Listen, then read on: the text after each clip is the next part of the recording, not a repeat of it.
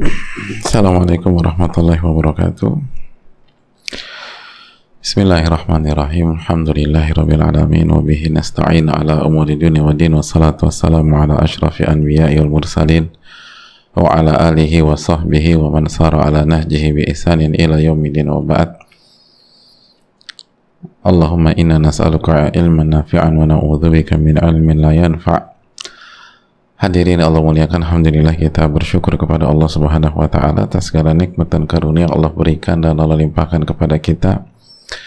Sebagaimana salawat dan salam semoga senantiasa tercurahkan kepada junjungan kita Rasul kita Muhammadin alaihi salatu wassalam beserta para keluarga, para sahabat dan orang-orang yang istiqomah berjalan di bawah naungan sunnah beliau sampai hari kiamat kelak uh, hadirin khususnya ibu-ibu para akhwat yang mengikuti kajian wanita ini.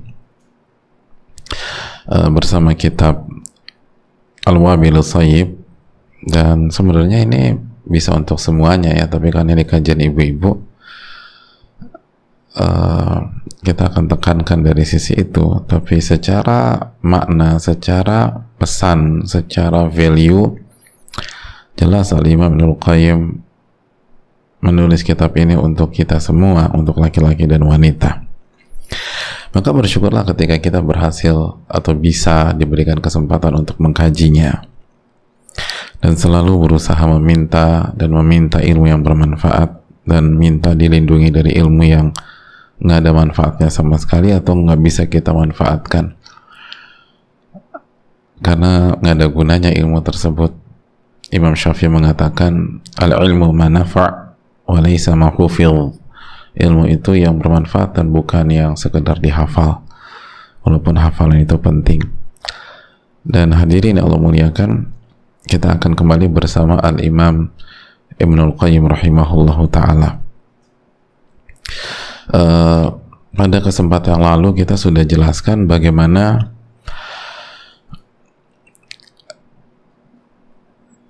iblis itu berikrar untuk menjatuhkan dan menggoda dan membuat semua orang tuh menyimpang. Lalu dia menyampaikan ternyata ada orang-orang yang selamat hadirin. Itu yang Allah firmankan dalam surat Sad ayat 8283. Fabi'izzatika la'ugwiyannahum ajma'in illa ibadaka minhum al-mukhlasin. Iblis mengatakan demi kekuasaan engkau aku akan menyesatkan mereka semua kecuali illa ibadaka minhum al-mukhlasin kecuali hamba-hambamu yang ikhlas di antara mereka. Nah, setelah Al-Imam Ibnu Qayyim rahimahullah semoga Allah merahmati beliau keluarga beliau dan seluruh kaum muslimin beliau melanjutkan membawakan dua ayat dalam Al-Quranul Karim dalam surat Saba ayat 20 dan 21 Al-Imam Ibn Qayyim menyatakan waqala ta'ala dan Allah berfirman walaqad saddaqa alaihim iblisu dhannahu fattaba'uh illa fariqan minal mu'minin dan sungguh iblis telah dapat membuktikan kebenaran prasangkanya terhadap mereka lalu mereka mengikutinya. Fattaba'uh illa fariqam minal mu'minin. Wa ma kana lahu alaihim min sultan illa lina'lama min wa ma kana wa ma kana lahu alaihim min sultan. Dan tidak ada kekuasaan iblis terhadap mereka jadi iblis itu nggak punya kekuasaan terhadap mereka. Sama sekali nggak punya kekuasaan.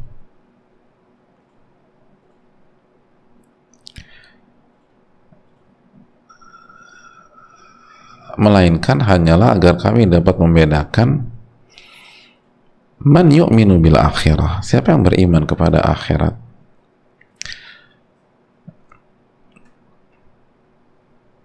Mimman huwa minha fi syak.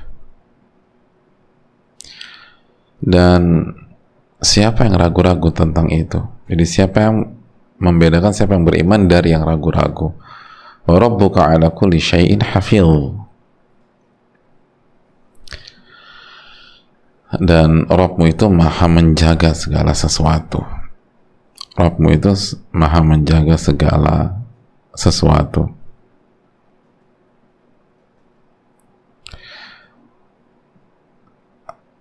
hadirin Allah muliakan.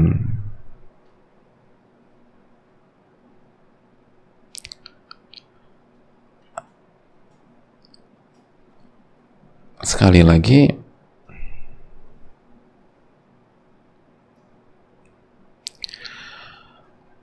Allah berfirman dalam ayat ini dan ayat ini yang dibawakan al Imam Ibnu Qayyim rahimahullah وَلَقَدْ صَدَّقَ عَلَيْهِمْ إِبْلِيسُ ظَنَّهُ فَاتَّبَعُوهُ إِلَّا فَرِيقًا مِنَ الْمُؤْمِنِينَ Jadi iblis itu akhirnya dapat membuktik atau uh, apa melihat kebenaran prasangkanya kebenaran prasangkanya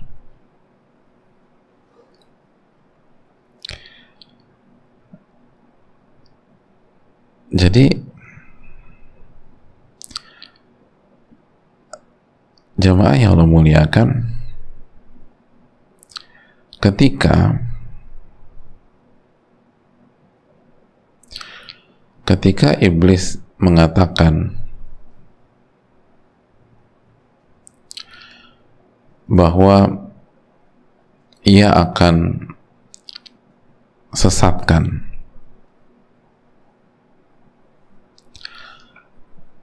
ia akan gelincirkan.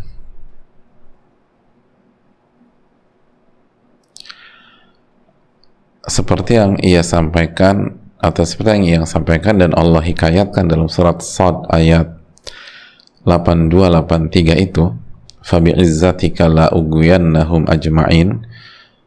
Dan demi kekuasaanmu aku akan sesatkan mereka semua itu iblis bilang begini jamaah kata para ulama itu zon bukan ilm. Dia ini hanya menduga bukan dia yakin. Jadi dia nggak yakin juga gitu loh. Jadi itu hanya dugaan aja. Dan dia nggak yakin karena apa? Karena dia nggak tahu hal yang goib dia nggak tahu apa yang akan terjadi ketika dia menggoda apakah godaannya diterima atau enggak tapi dia akan berusaha menggoda. Tapi apakah godaannya diterima diikuti? Pada saat dia bicara itu dia nggak tahu. La ya'lamul ghaib. Walam ya'ti khabarun minallah dan tidak ada berita dari Allah kepada dia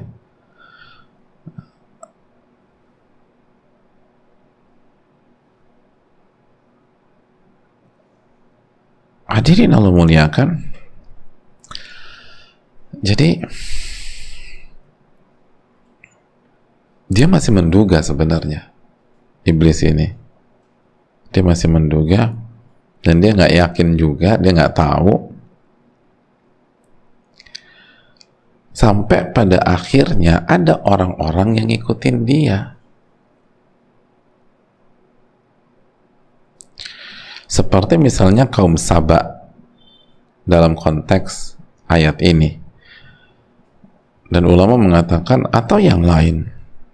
Karena ayat ini umum. Jadi kaum Saba hanya contoh. Dari semua manusia mengikuti dia dan akhirnya tergelincir dan tersesat gara-gara iblis ini barulah dia lihat oh benar ya ternyata dugaan saya tuh gitu lah hadirin. Itu coba kita lihat ayatnya lagi. Walaqad sad walaqad saddaqa alaihim iblisu dhannahu dan sesungguhnya iblis telah dapat uh, uh, mem, sesungguhnya iblis membenarkan persangkaannya itu terbukti. Yang diduga dan disangka itu kejadian.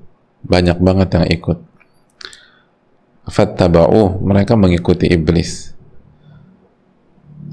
Gitu loh hadirin. Jadi iblis tuh baru menduga-duga aja baru memprediksi eh kejadian gitu. Kejadian. Itu poinnya. Kejadian ada ya aja ngikutin dia. Ada aja ngikutin dia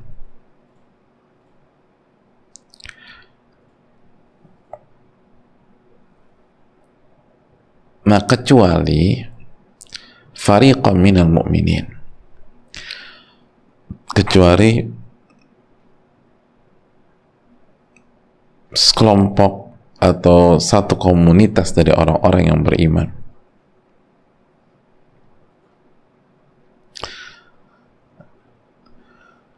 Nah, itu yang yang yang nggak bisa digoda sama dia itu nggak bisa digoda.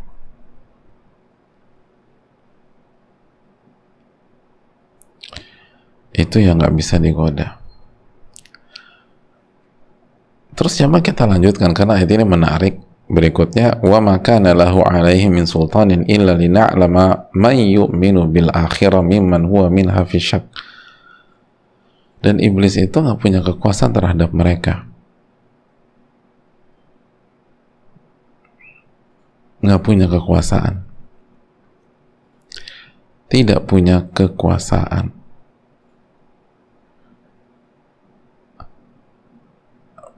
Dia nggak punya kekuasaan. Makanya Al Hasan mengatakan Wallahi ma darabahum bi'asa wala saif wala saut illa amani wa gurura da'ahum ilaiha. Ini penting loh hadirin Coba kita lihat ayat itu lagi. Jadi buat ibu-ibu para akhwat dan jamaah sekalian, Allah mengatakan iblis tidak punya kekuasaan terhadap kita, nggak punya. Iblis nggak punya kekuasaan. Kata Al Hasan, iblis tuh nggak bisa mukul kita dengan tongkat atau dengan kayu, nggak bisa nggak bisa mukul kita dengan pedang. Nggak bisa mencambuk kita. Iblis nggak bisa lakukan itu. Ini camkan baik-baik. Iblis nggak bisa lakukan itu. Ini Allah yang berfirman. Dan ini keterangan para ulama wa makana lahu alaihim min sultan. Nggak bisa. Illa amani wa gurura da'ahum ilaihim. Kecuali yang bisa dilakukan adalah kecuali amani.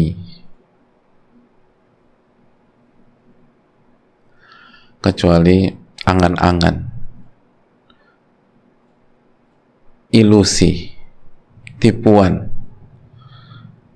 yang mereka gembar-gemborkan mereka ajak untuk kita ikuti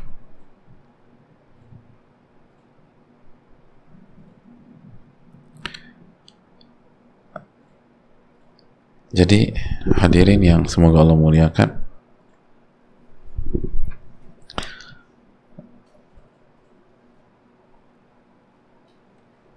Itu poin. Itu dikatakan Al Hasan Al Basri dirayu diajak dirayu diajak diaryo diajak. Dirayu diajak dirayu, diajak, dibuat ilusi. Dan emang jago, jangan jangan diremehkan. Jago. Tapi itu tadi, dia nggak bisa mukul kita.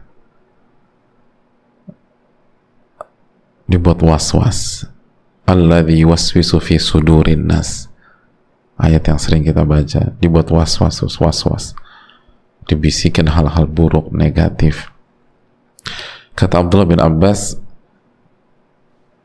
sultan di sini adalah hujah aimin hujah iblis nggak punya hujah nggak punya argumentasi ilmiah nggak punya dalil nggak punya bukti enggak tapi was was diprovokasi, dibisikkan terus, dibuat kita pesimis, dibuat kita eh, lemah, dibuat kita terpuruk.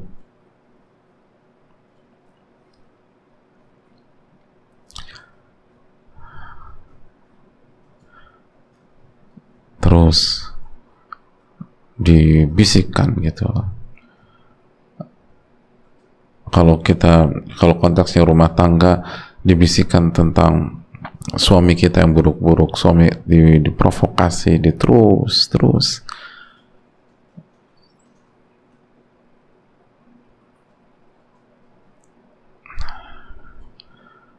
Itu yang dimainkan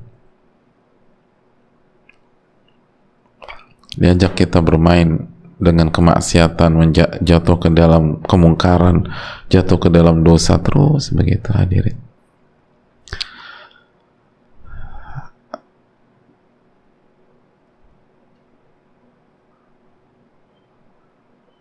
Dan kata Al Hasan Al Basri wal akrahahum ala syai. Iblis kan nggak pernah ngancam nggak pernah ngancam Emang orang yang berzina atau selingkuh diancam iblis? Enggak. Coba tanya mereka, emang diancam? Ngaku gitu ke istrinya aku tuh diancam sama iblis mah kalau nggak berzina. Jadi aku terpaksa. Kok terpaksa pinter milihnya ya mah gitu kan kata-kata istrinya kok kalau terpaksa kenapa milih yang itu namanya nggak terpaksa Kenapa milih yang kayak begitu? Kenapa milih yang bening-bening ya mas ya? Katanya terpaksa. Nggak, iblis nggak pernah maksa. Wa makana ila gururan wa amani da'ahum ilaihi fa'ajabu. Tapi iblis tuh buat ilusi, buat mimpi, angan, terus diajak terus ke sana, diajak terus ke sana. Eh, diikuti sama manusia itu hadirin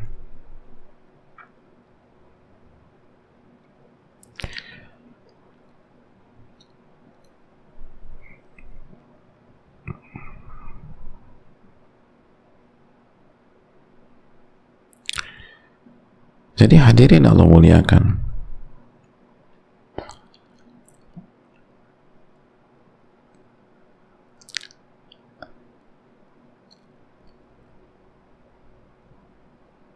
Illa lina'lama man yu'minu bil akhirah.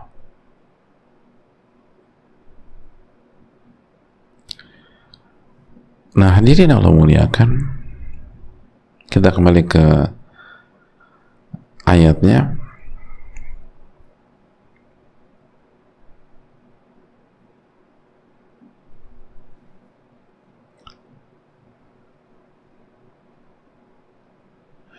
melainkan hanyalah agar kami dapat membedakan siapa yang beriman kepada kepada adanya kehidupan hmm, kepada ada agar kami bisa membedakan siapa yang beriman kepada kehidupan akhirat dan siapa yang ragu-ragu tentang itu. Siapa yang ragu-ragu tentang hal tersebut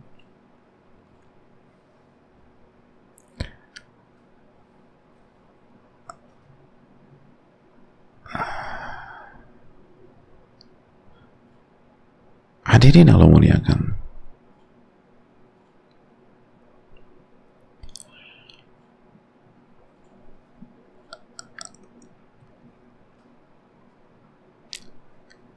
Jadi jamaah sekalian Allah muliakan. Lihat ada kata kecuali di sini. Ada kata-kata kecuali. kecuali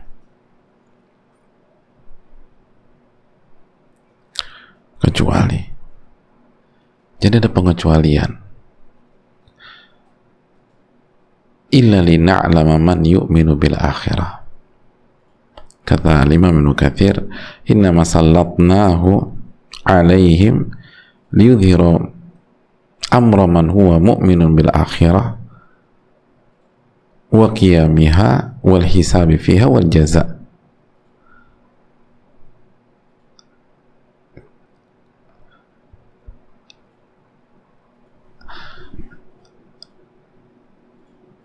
kalaupun kami kasih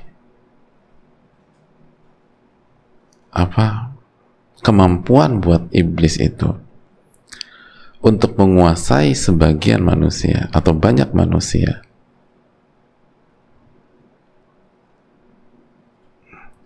itu semata-mata kata Allah agar kami melihat dan agar nampak jelas siapa yang beriman kepada akhirat? Siapa yang yakin adanya hari pembalasan hisab surga neraka? Lalu ia perbaiki ibadahnya. Dan siapa yang ragu terhadap hal tersebut?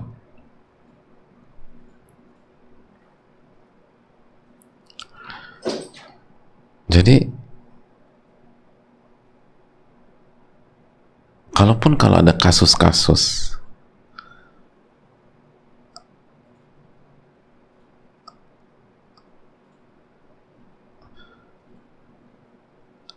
yang ada orang bisa diinikan oleh iblis atau syaitan itu tuh oleh yang oleh yang buka hal tersebut dan itu dilakukan semata-mata.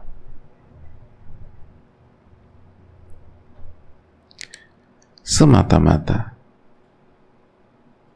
Agar terlihat terungkap siapa yang beriman kepada hari kiamat dan siapa yang ragu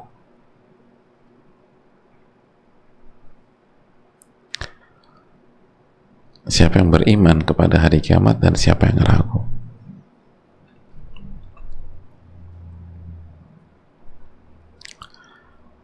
Itu poin.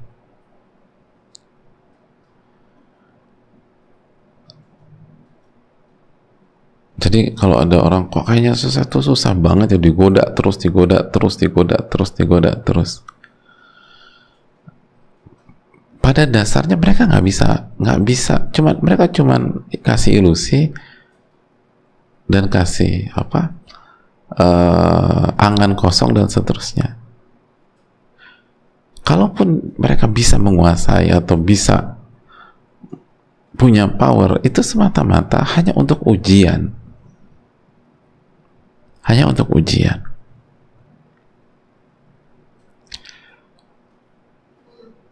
Ujian keimanan kepada hari akhirat.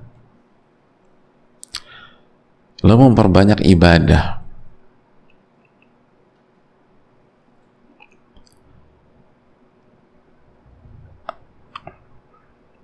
Ujian untuk memperbanyak ibadah.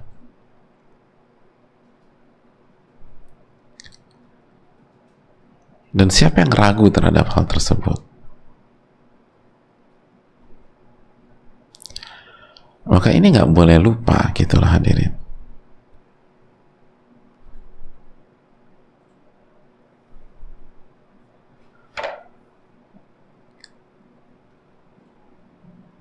Jadi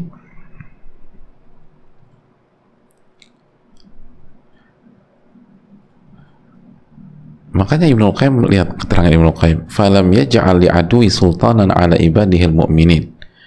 Allah tidak menjadikan musuhnya itu berkuasa kepada hamba-hambanya yang beriman. Wa kala'atihi wa hifdhihi wa tahta kanafi. Orang-orang beriman itu dalam lindungan Allah Subhanahu wa taala, penjagaan Allah Subhanahu wa taala.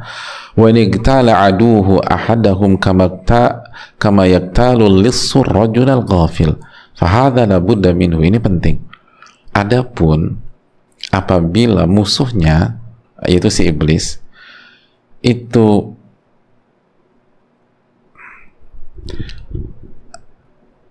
men, apa ya uh,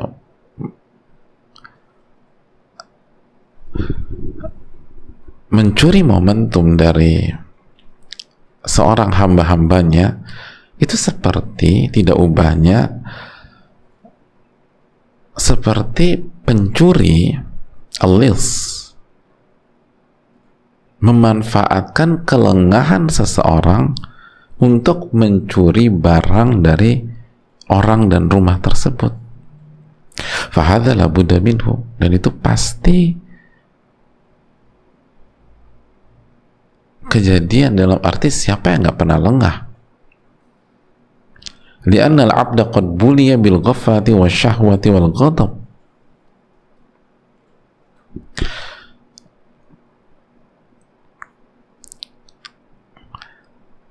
jadi itu pasti. Itu pasti. Hadirin Allah muliakan.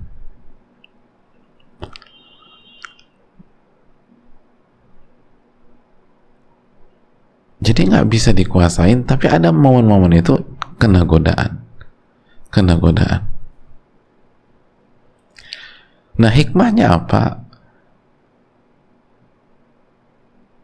untuk menguji siapa yang beriman, siapa yang beristighfar, siapa yang bertobat, siapa yang terus beribadah dan memperbaiki ibadahnya kepada Allah.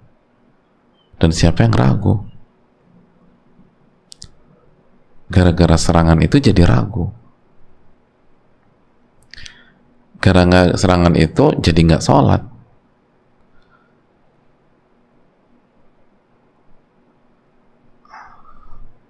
seharusnya hadirin Allah muliakan.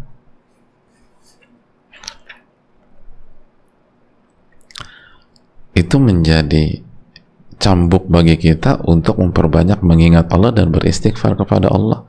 Kulu bani Adam khata setiap anak Adam banyak melakukan kesalahan dan yang terbaik dari mereka yang paling banyak bertobat kepada Allah.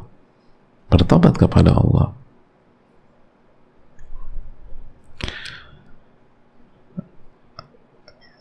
Sehingga kalau demikian eh, serangan itu tidak ubahnya upaya pencurian.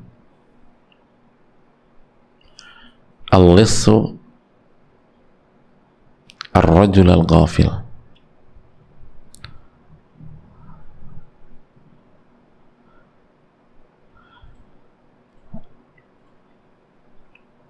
jadi hadirin Allah muliakan. Itu tidak ubahnya pencuri. Alis mencuri di mencuri barang seseorang atau mencuri di rumah seseorang.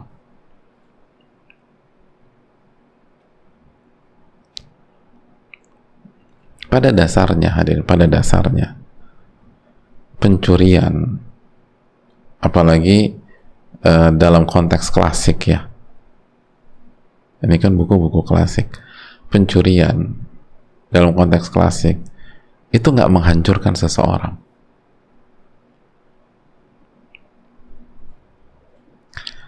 List tuh maling lah ya maling gitu loh. Misalnya ada sendal gitu kan memang rugi sendal sendalnya dimalingin atau dicuri orang. Tapi dia nggak akan hancur. Orang itu nggak akan hancur.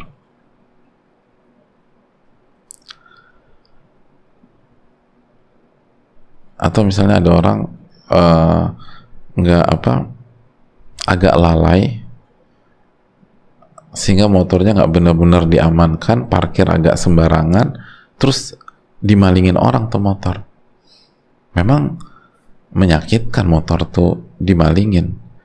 Tapi pada dasarnya orang yang kehilangan motor karena maling itu nggak hancur hadirin. Itu nggak hancur.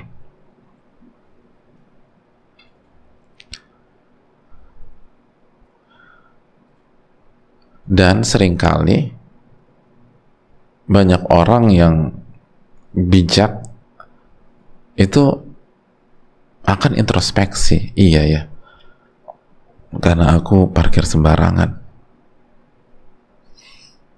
Jadi introspeksi diri, muhasabah, lalu berusaha menjadi yang lebih baik lagi. Mulai semenjak itu, gara-gara motornya kemalingan atau dicuri orang, dia jadi parkir di tempatnya, disiplin, gitu, kunci roda, kalau rodanya dibawa sama dia. Mas kenapa bawa roda? Muhasa ini hasil muhasabah. Gitu loh kemarin dimalingin. Sekarang rodanya aja saya bawa satu lah. Oh iya iya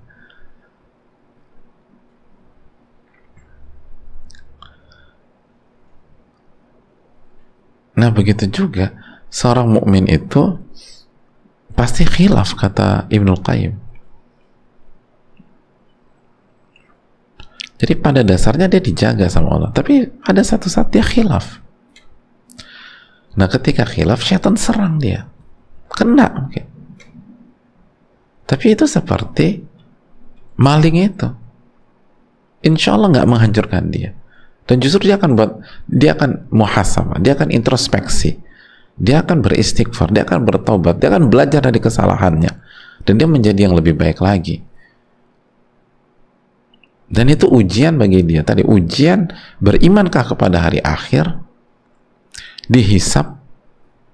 Ber, berimankah terhadap surga dan neraka? Atau justru dia jadi ragu dan jadi mundur bahkan jadi nggak mau beriman lagi? Itu ujian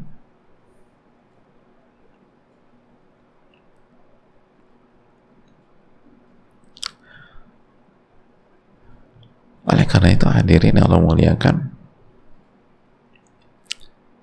Untuk para akhwat, untuk ibu-ibu itu tadi bisa jadi karena kesibukan di rumah kepenatan.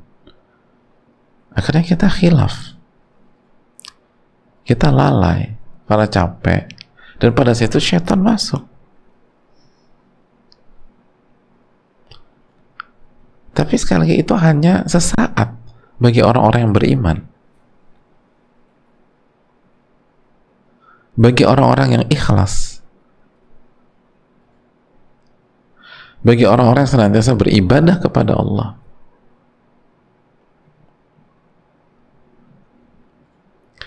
Dan itu akan membuat dia bangkit. Jadi wake up call. Iya, iya. Aduh, karena kepenatan tadi aku lupa doa lagi. Udah nih, ini pelajaran. Nggak mau kayak begini. Bener deh.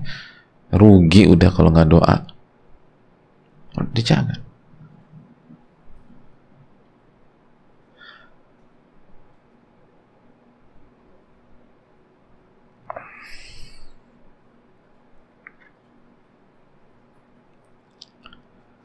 Itu hal penting. Pernah lihat sebuah komplek gara-gara kasus kemalingan minggu lalu, akhirnya pekan ini kalau kita ke sana jauh lebih ketat penjagaannya. Pernah lihat nggak? Ya mas, iya. Ah itu, itu positif apa negatif akhirnya? Positif. Jadi lebih ketat. Harusnya kita juga gitu. Harusnya kita juga jadi lebih ketat berzikir jadi lebih ketat mengi, lebih ketat mengingat Allah bukan justru terlempar itu salah Allah taala alam. Bisa saya rasa cukup sampai di sini. Kita akan lanjutkan insya Allah pada pertemuan yang akan datang. Wassalamualaikum Muhammad kita buka sesi tanya jawab jamaah. Assalamualaikum warahmatullahi wabarakatuh. Waalaikumsalam warahmatullahi wabarakatuh. Semoga Allah merahmati Ibnu Qayyim, keluarga serta guru-guru beliau dan melindungi Ustadz dan beserta uh, Ustadz, keluarga dan tim dan seluruh umat muslim di dunia. Amin ya rabbal alamin Ustadz mau nasihatnya. Ana sering bertengkar dengan suami karena suami salah paham sama ucapan Ana. Misalnya suami menyuruh Ana sesuatu kemudian Ana menjawab untuk menjelaskannya terlebih dahulu. Tapi suami selalu bilang anak membantahnya padahal anak tidak merasa dan bermaksud membantahnya. Apakah penjelasan anak itu termasuk membantah Ustadz? Bagaimana seharusnya anak bersikap? Apakah anak tidak perlu menjelaskannya? Anak tidak perlu menjelaskannya tidak perlu menjelaskannya tidak perlu mendapatkan penjelasan dari beliau yang kedua kayaknya mau nasihat Ustadz ya salah khairan Ya, yang pertama penjelasan penjelasan itu sifatnya kondisional. Kalau kita udah ngerti nggak butuh penjelasan. Kalau kita belum ngerti, kita butuh penjelasan. Itu poin. masalah masih terlalu global ya tapi intinya kan gini loh hadirin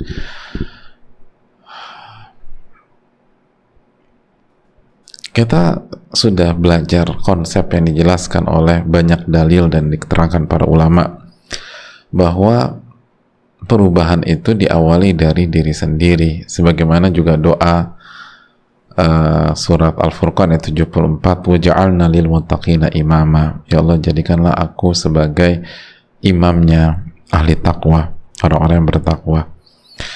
Jadi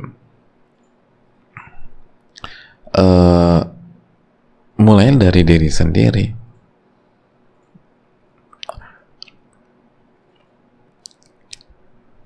Dan salah satunya adalah beradaptasi dengan gaya suami.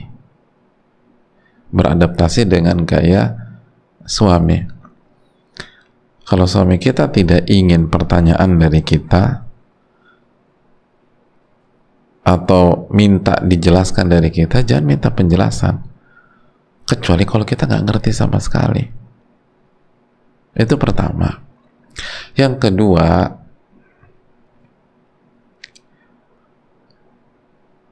bisa jadi ini karena kalimat dan diksi yang kita gunakan.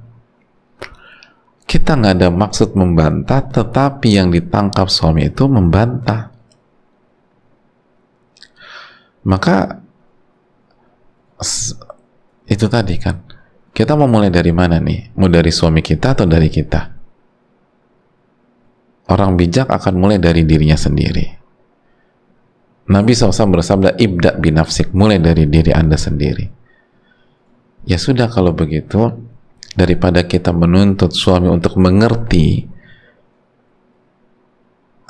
mengerti diksi dan maksud kita lebih baik kita yang berusaha merubah diksi tersebut sehingga tidak ada kesan membantah. Dirubah aja.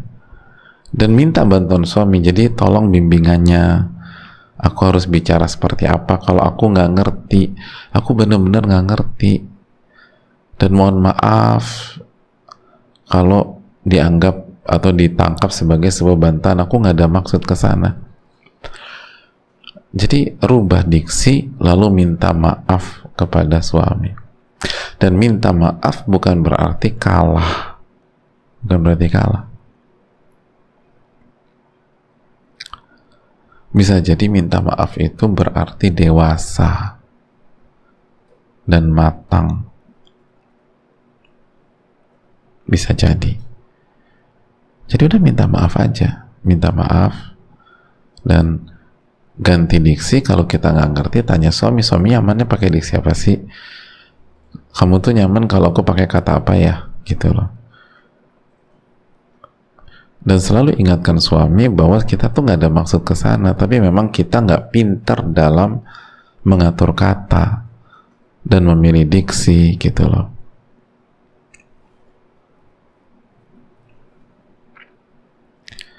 Allah taala alam mungkin itu dan yang berikutnya banyak berdoa.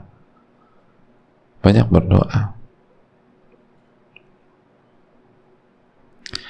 Dan jangan lupa baca zikir pagi petang. Ya hayyu qayyum bi rahmatika astaghith aslih li sya'ni kullahu wa la takilni ila nafsi tarfata ain. Ya hayyu qayyum bi rahmatika astaghith aslih li sya'ni perbaiki segala urusanku perbaiki segala urusanku.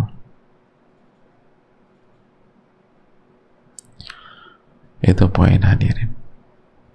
Minta diperbaiki hubungan kita dengan suami kita. Assalamualaikum warahmatullahi wabarakatuh. Waalaikumsalam warahmatullahi wabarakatuh. Semoga Allah merahmati Imam Nawawi, Imam Al-Qayyim, Ustadz, keluarga, seluruh umat muslim di dunia, amin ya rabbal alamin. Ustadz saya ingin bertanya, apa yang harus dilakukan apabila terbangun ketika waktu atau jamnya sholat tahajud karena sudah terbiasa bangun tetapi dalam keadaan haid. Kalau dibiasakan tidur lagi, maka ketika sudah suci, selesai haid, saya malah sering kesiangan dan susah lagi bangun malam. Mau nasihatnya? Ada banyak hadirin. Kecuali sholat gitu aja tentu saja ada beberapa khilaf para ulama ya jadi yang pertama tentu saja ketika kita bangun baca doa Alhamdulilladzi ahyana ba'da ma amatana wa ilaihi nusyur terus baca doa lagi La ilaha illallah wahdahu la syarika la lahul mulku wa syai'in qadir Alhamdulillah subhanallah dan seterusnya lalu jangan lupa baca akhir-akhir surat Ali Imran. Itu 10 ayat terakhir dalam surat Ali Imran dibaca. Sebagaimana sunnah Nabi SAW banyak kan? banyak. Terus kita bisa doa. Sebagaimana hadis nuzul hadis turunnya Allah kan Allah bertanya siapa yang berdoa sehingga aku akan kabulkan? Siapa meminta ampun sehingga aku akan ampuni? Jadi perbanyak doa perbanyak istighfar. Lalu muhasabah itu waktu yang bagus buat muhasabah.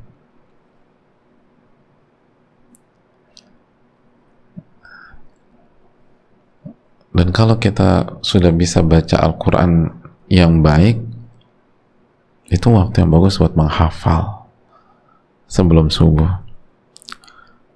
Allah taala alam bisawab. Jadi ada banyak hal yang bisa kita perbanyak doa angkat tangan minta sama Allah. Istighfar. Waktu sahur itu kan waktu istighfar.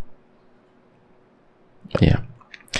Pertanyaan berikutnya, Assalamualaikum Ustaz, Waalaikumsalam warahmatullahi wabarakatuh. Semoga Ustaz Kriude selalu dalam lindungan Allah dan semoga rahmat Allah untuk Imam Ibnu Qayyim dan para ulama-ulama kita. Amin ya rabbal alamin.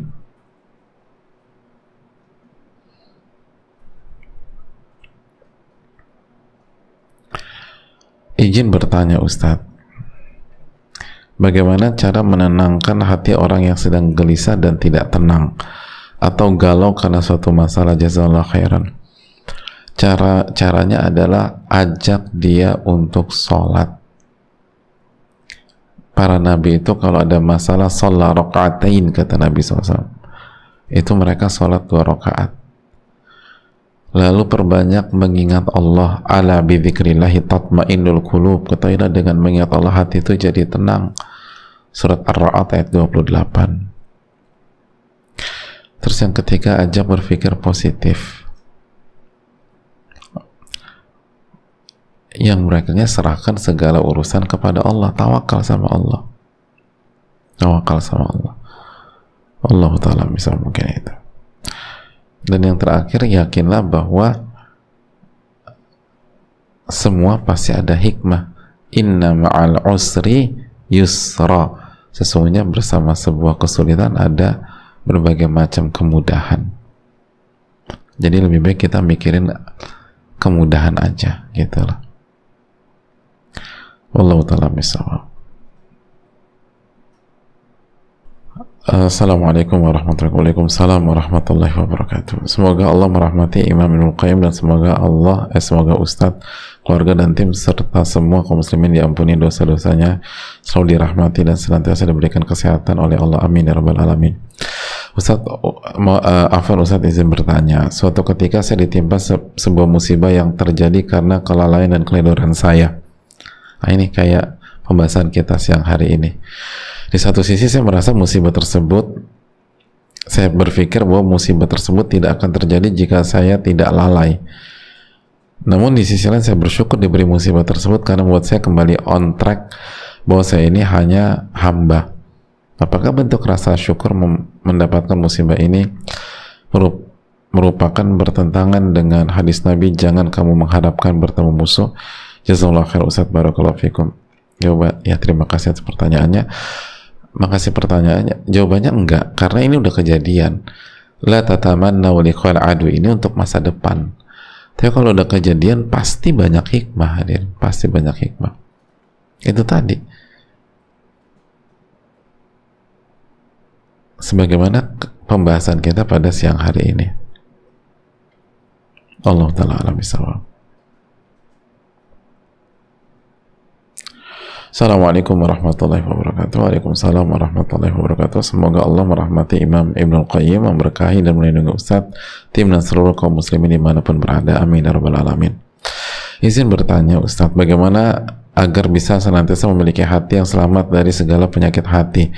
Kadang saya terus berusaha untuk mendoakan kebaikan orang-orang dan memperbanyak istighfar dan ta'awud serta mengingat karunia Allah berikan sudah sangat banyak pada diri ini ketika rasanya hati ini tidak nyaman. Seakan ada bisikan-bisikan yang seliweran di kepala akan nikmat yang orang lain dapatkan. Jadi ingat orang lain dapat ini, orang lain dapat itu ya. Kadang hati hati masih lemah sekali. Apakah ada doa agar senantiasa memiliki hati yang selamat sehingga bisa bertemu dengan Allah tanpa pernah memiliki penyakit hati terhadap orang lain. Dan hati ini senantiasa bahagia atas nikmat yang orang lain dapatkan. Jazakallahu khairan barakallahu fikum. Yang pertama jelas ini tentang tauhid ya. Tentang tauhid asma sifat. Tentang tauhid bahwa Allah itu ahkamul hakimin yang paling bijak keputusannya dan pembagiannya. Dan ini juga hadirin yang Allah muliakan uh, harus di di apa di diobati dengan doa. Di antaranya ya muqallibal qulub tsabbit qalbi ala dinik. Wahai zat yang membolak-balikan hati kokohkanlah hatiku di atas agamamu. Atau penggalan doa Allahumma ati nafsi taqwaha wa zakkiha anta khairu man zakkaha anta waliyuha wa maulaha Allahumma ati nafsi taqwa. Ya Allah berikanlah jiwa ini ketakwaannya. Dan bersihkanlah jiwa ini. Anta khairu man zakkaha anta engkau yang engkau yang terbaik dalam membersihkannya. Engkau adalah pelindung dan penjaganya. Baca doa-doa yang seperti itu hadirin dan terus dilatih dilatih. Ini ini proses panjang sampai wafat kita harus berjuang dalam masalah ini. Dan jangan lelah dan jangan pesimis karena semua orang ngalamin ini. Yang akan berhasil yang bertawakal sama Allah dan yang berjuang. Kalau udah lemah udah kena lagi sama syaitan. Terus terus. Dan ingat bahwa kebahagiaan kita itu bukan uh, bukan terletak pada orang lain dapat nikmat atau tidak. Kebahagiaan kita itu pada saat kita mentauhidkan Allah beribadah kepada Allah dan menghamba kepada Allah itu poinnya Assalamualaikum warahmatullahi wabarakatuh. Waalaikumsalam warahmatullahi wabarakatuh. Semoga Allah merahmati Ibnul Qayyim. Ustadz, keluarga, tim selalu diberikan kesehatan, keselamatan oleh Allah. Amin ya Rabbal Alamin. Izin bertanya Ustadz, saya akhwat usia 27 tahun. Tahun lalu saya mundur dari pertunangan karena mendapati hal yang prinsip yang tidak bisa saya terima. Dan lagi, Anda, uh, Anda berencana menikah karena berpacaran waktu itu sekarang anak tidak ingin melakukan hal itu lagi Ustadz. Tetapi beberapa kali ada rasa takut dalam diri anak, takut dosa yang lalu belum diampuni dan takut melangkah menerima ta'aruf. Ta'aruf itu proses pranikah ya. Karena masih teringat kesalahan-kesalahan yang lalu. Selain itu beberapa kali anak ingin membuka diri kerap an kerap sekali anda menerima mimpi buruk yang berhubungan dengan mantan yang lalu dan keluarga keluarganya juga.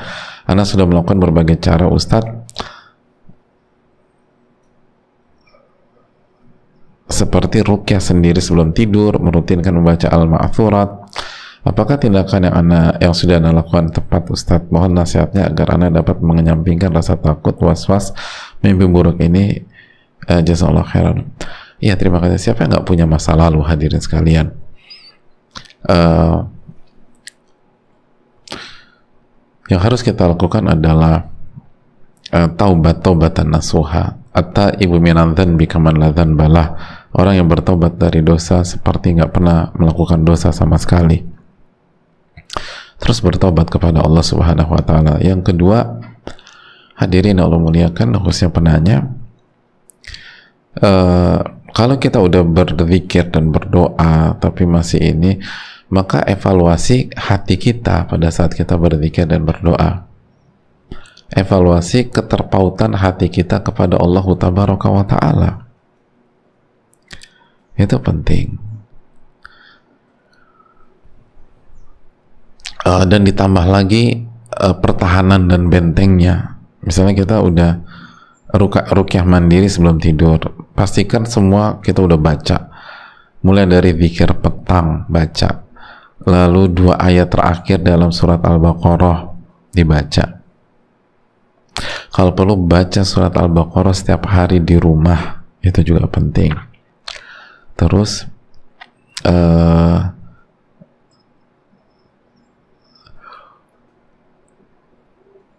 baca apa lagi? Dan membaca Quran baca Al-Mulk terus baca doa sebelum tidur wudhu dulu baca muawwidzat baca kulhu kul a'udzu bil falaq kul a'udzu birabbin nas lalu uh, ditiupkan dan diusapkan di tubuh uh, bagian depan terus baca doa-doa sebelum tidur. Baca komplit. Baca komplit. Udah bismillah tawakal tidur deh. Insya Allah enggak. Insya Allah dan kalau ada mimpi buruk jangan pernah ceritakan. Jangan pernah ceritakan. Selama kita nggak ceritakan nggak ada nggak akan terjadi apa-apa kata Nabi Shallallahu Alaihi Wasallam. Jangan pernah cerita nggak akan kejadian. Bismillah itu yang dijanjikan Nabi Shallallahu Alaihi Wasallam. Lalu uh, persiapkan diri kita. Dan kalau memang kita udah siap untuk mengarah ke pernikahan Bismillah. Allah taala terus perbanyak zikir perbanyak zikir perbanyak zikir hadirin. Ada panjang sekali nih hadirin Assalamualaikum warahmatullahi wabarakatuh. Waalaikumsalam warahmatullahi wabarakatuh. Semoga Ustadz tim seluruh kaum muslimin ada dalam perlindungan dan penjagaan Allah Subhanahu wa taala serta semoga Allah merahmati Ibnu Qayyim beserta keluarga keluarganya. Amin ya rabbal alamin. Afan Ustaz mohon sarannya. Beberapa waktu yang lalu tepatnya di bulan Mei akhir saya gagal bertaruh dengan seorang ikhwan. Gagal proses pernikahan ya dengan seorang ikhwan. Ikhwan tersebut telah menikah dengan seorang hafidhah.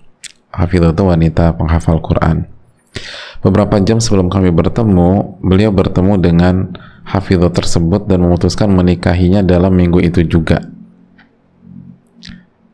Saya mendapatkan info tersebut dari seorang akhwat sebut saja Fulana. Kedua Fulana juga pada saat itu merupakan ta'arufan ikhwan itu juga. Jadi kami diduakan. Oh, bukan hanya nikah aja diduakan ya. Ta'aruf juga ada diduakan. Iya, Masya Allah. Saat mengetahui hal tersebut, saya langsung mengkon mengkonfirmasikannya ke ikhwan tersebut dan beliau membenarkan. Saya sudah mem saya sudah memaafkan kebohongan-kebohongannya saat itu juga. Setelah itu saya memutuskan untuk tidak menghubunginya lagi karena jika terus berhubungan maka ini akan jadi sesuatu yang salah. Berbeda dengan Fulana, beliau tetap berhubungan dengan ikhwan itu karena ada adik Fulana yang diasuh oleh ikhwan tersebut dan hubungan mereka berlanjut serta ada niatan ikhwan tersebut untuk menikahi Fulana. Hubungan saya dan Fulana terjalin baik semenjak kejadian itu bahkan Fulana mengingat, menginginkan saya juga menginginkan saya untuk jadi pendamping ikhwan itu juga. Saat itu saya hanya bisa menjawab diserahkan kepada takdir Allah saja. Tapi saya tapi saya berharap malah Fulana yang bisa menikah dengan ikhwan tersebut. Dua minggu yang lalu ikhwan tersebut menghubungi saya lagi dan mengajak menikah. Beliau bilang telah dibolehkan oleh istrinya yang pertama pada saat itu ada rasa ketakutan akan kejadian yang dahulu terulang. Tetapi rasa yang dulu diredam mulai muncul kembali. Untuk agama dan karakter ikhwan itu sebenarnya saya telah ridho. Karena memang secara keseluruhan beliau baik, tapi ada kelakuan yang kurang bisa diterima.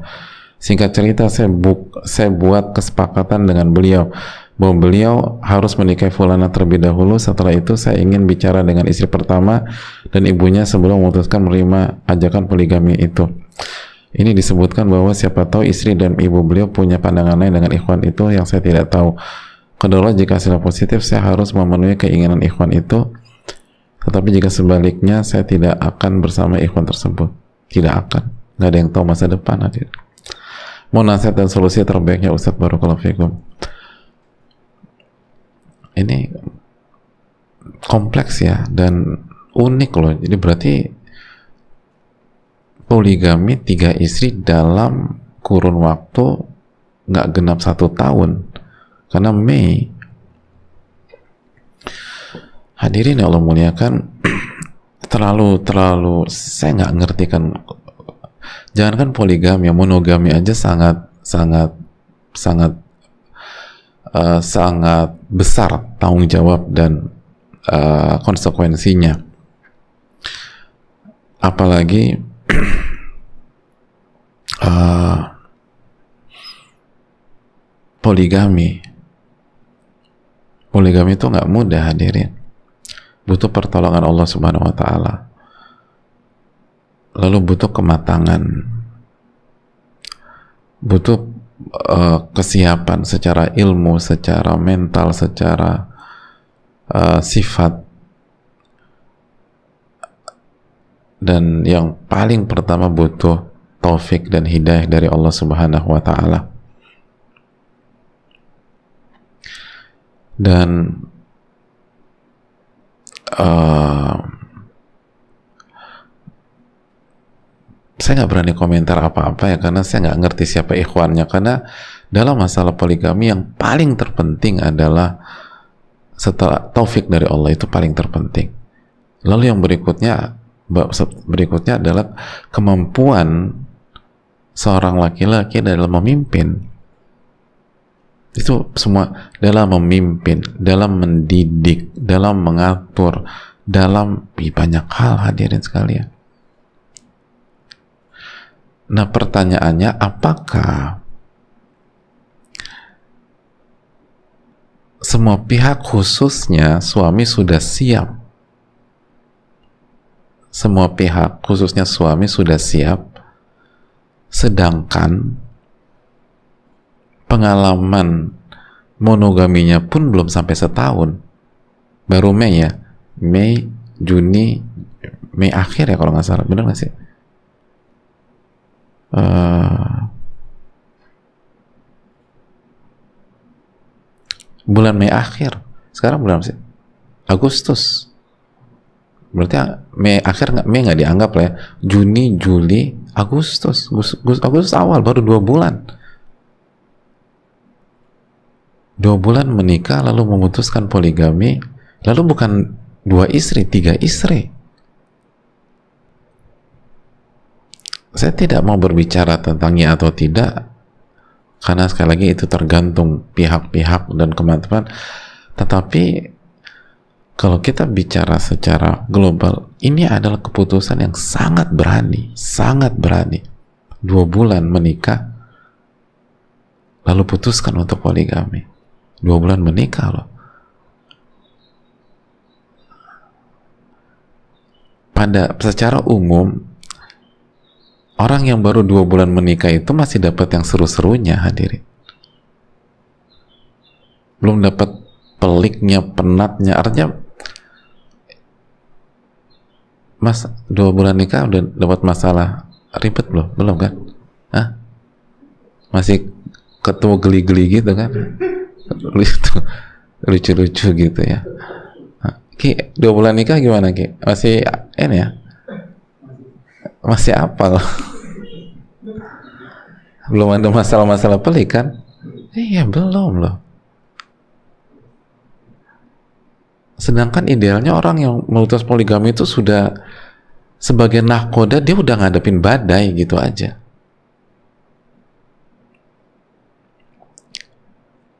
Sebagai nakoda bahtera rumah tangga atau nakoda kapal dia udah teruji. Dia udah mengarungi samudra Atlantik samudra Pasifik sudah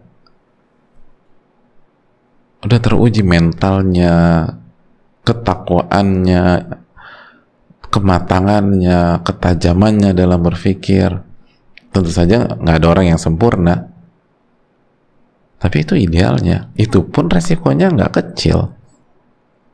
Ini dua bulan nikah, lalu memutuskan bukan hanya dua istri tapi tiga istri.